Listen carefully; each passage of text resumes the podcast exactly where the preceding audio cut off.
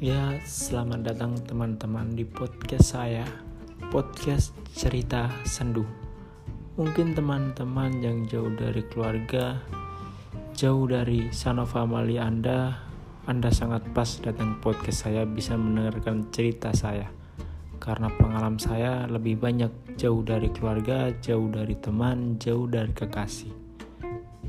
Jadi untuk seseorang yang jauh dari keluarga, anda datang di podcast yang tepat. Dengarkan baik-baik podcast saya. Terima kasih.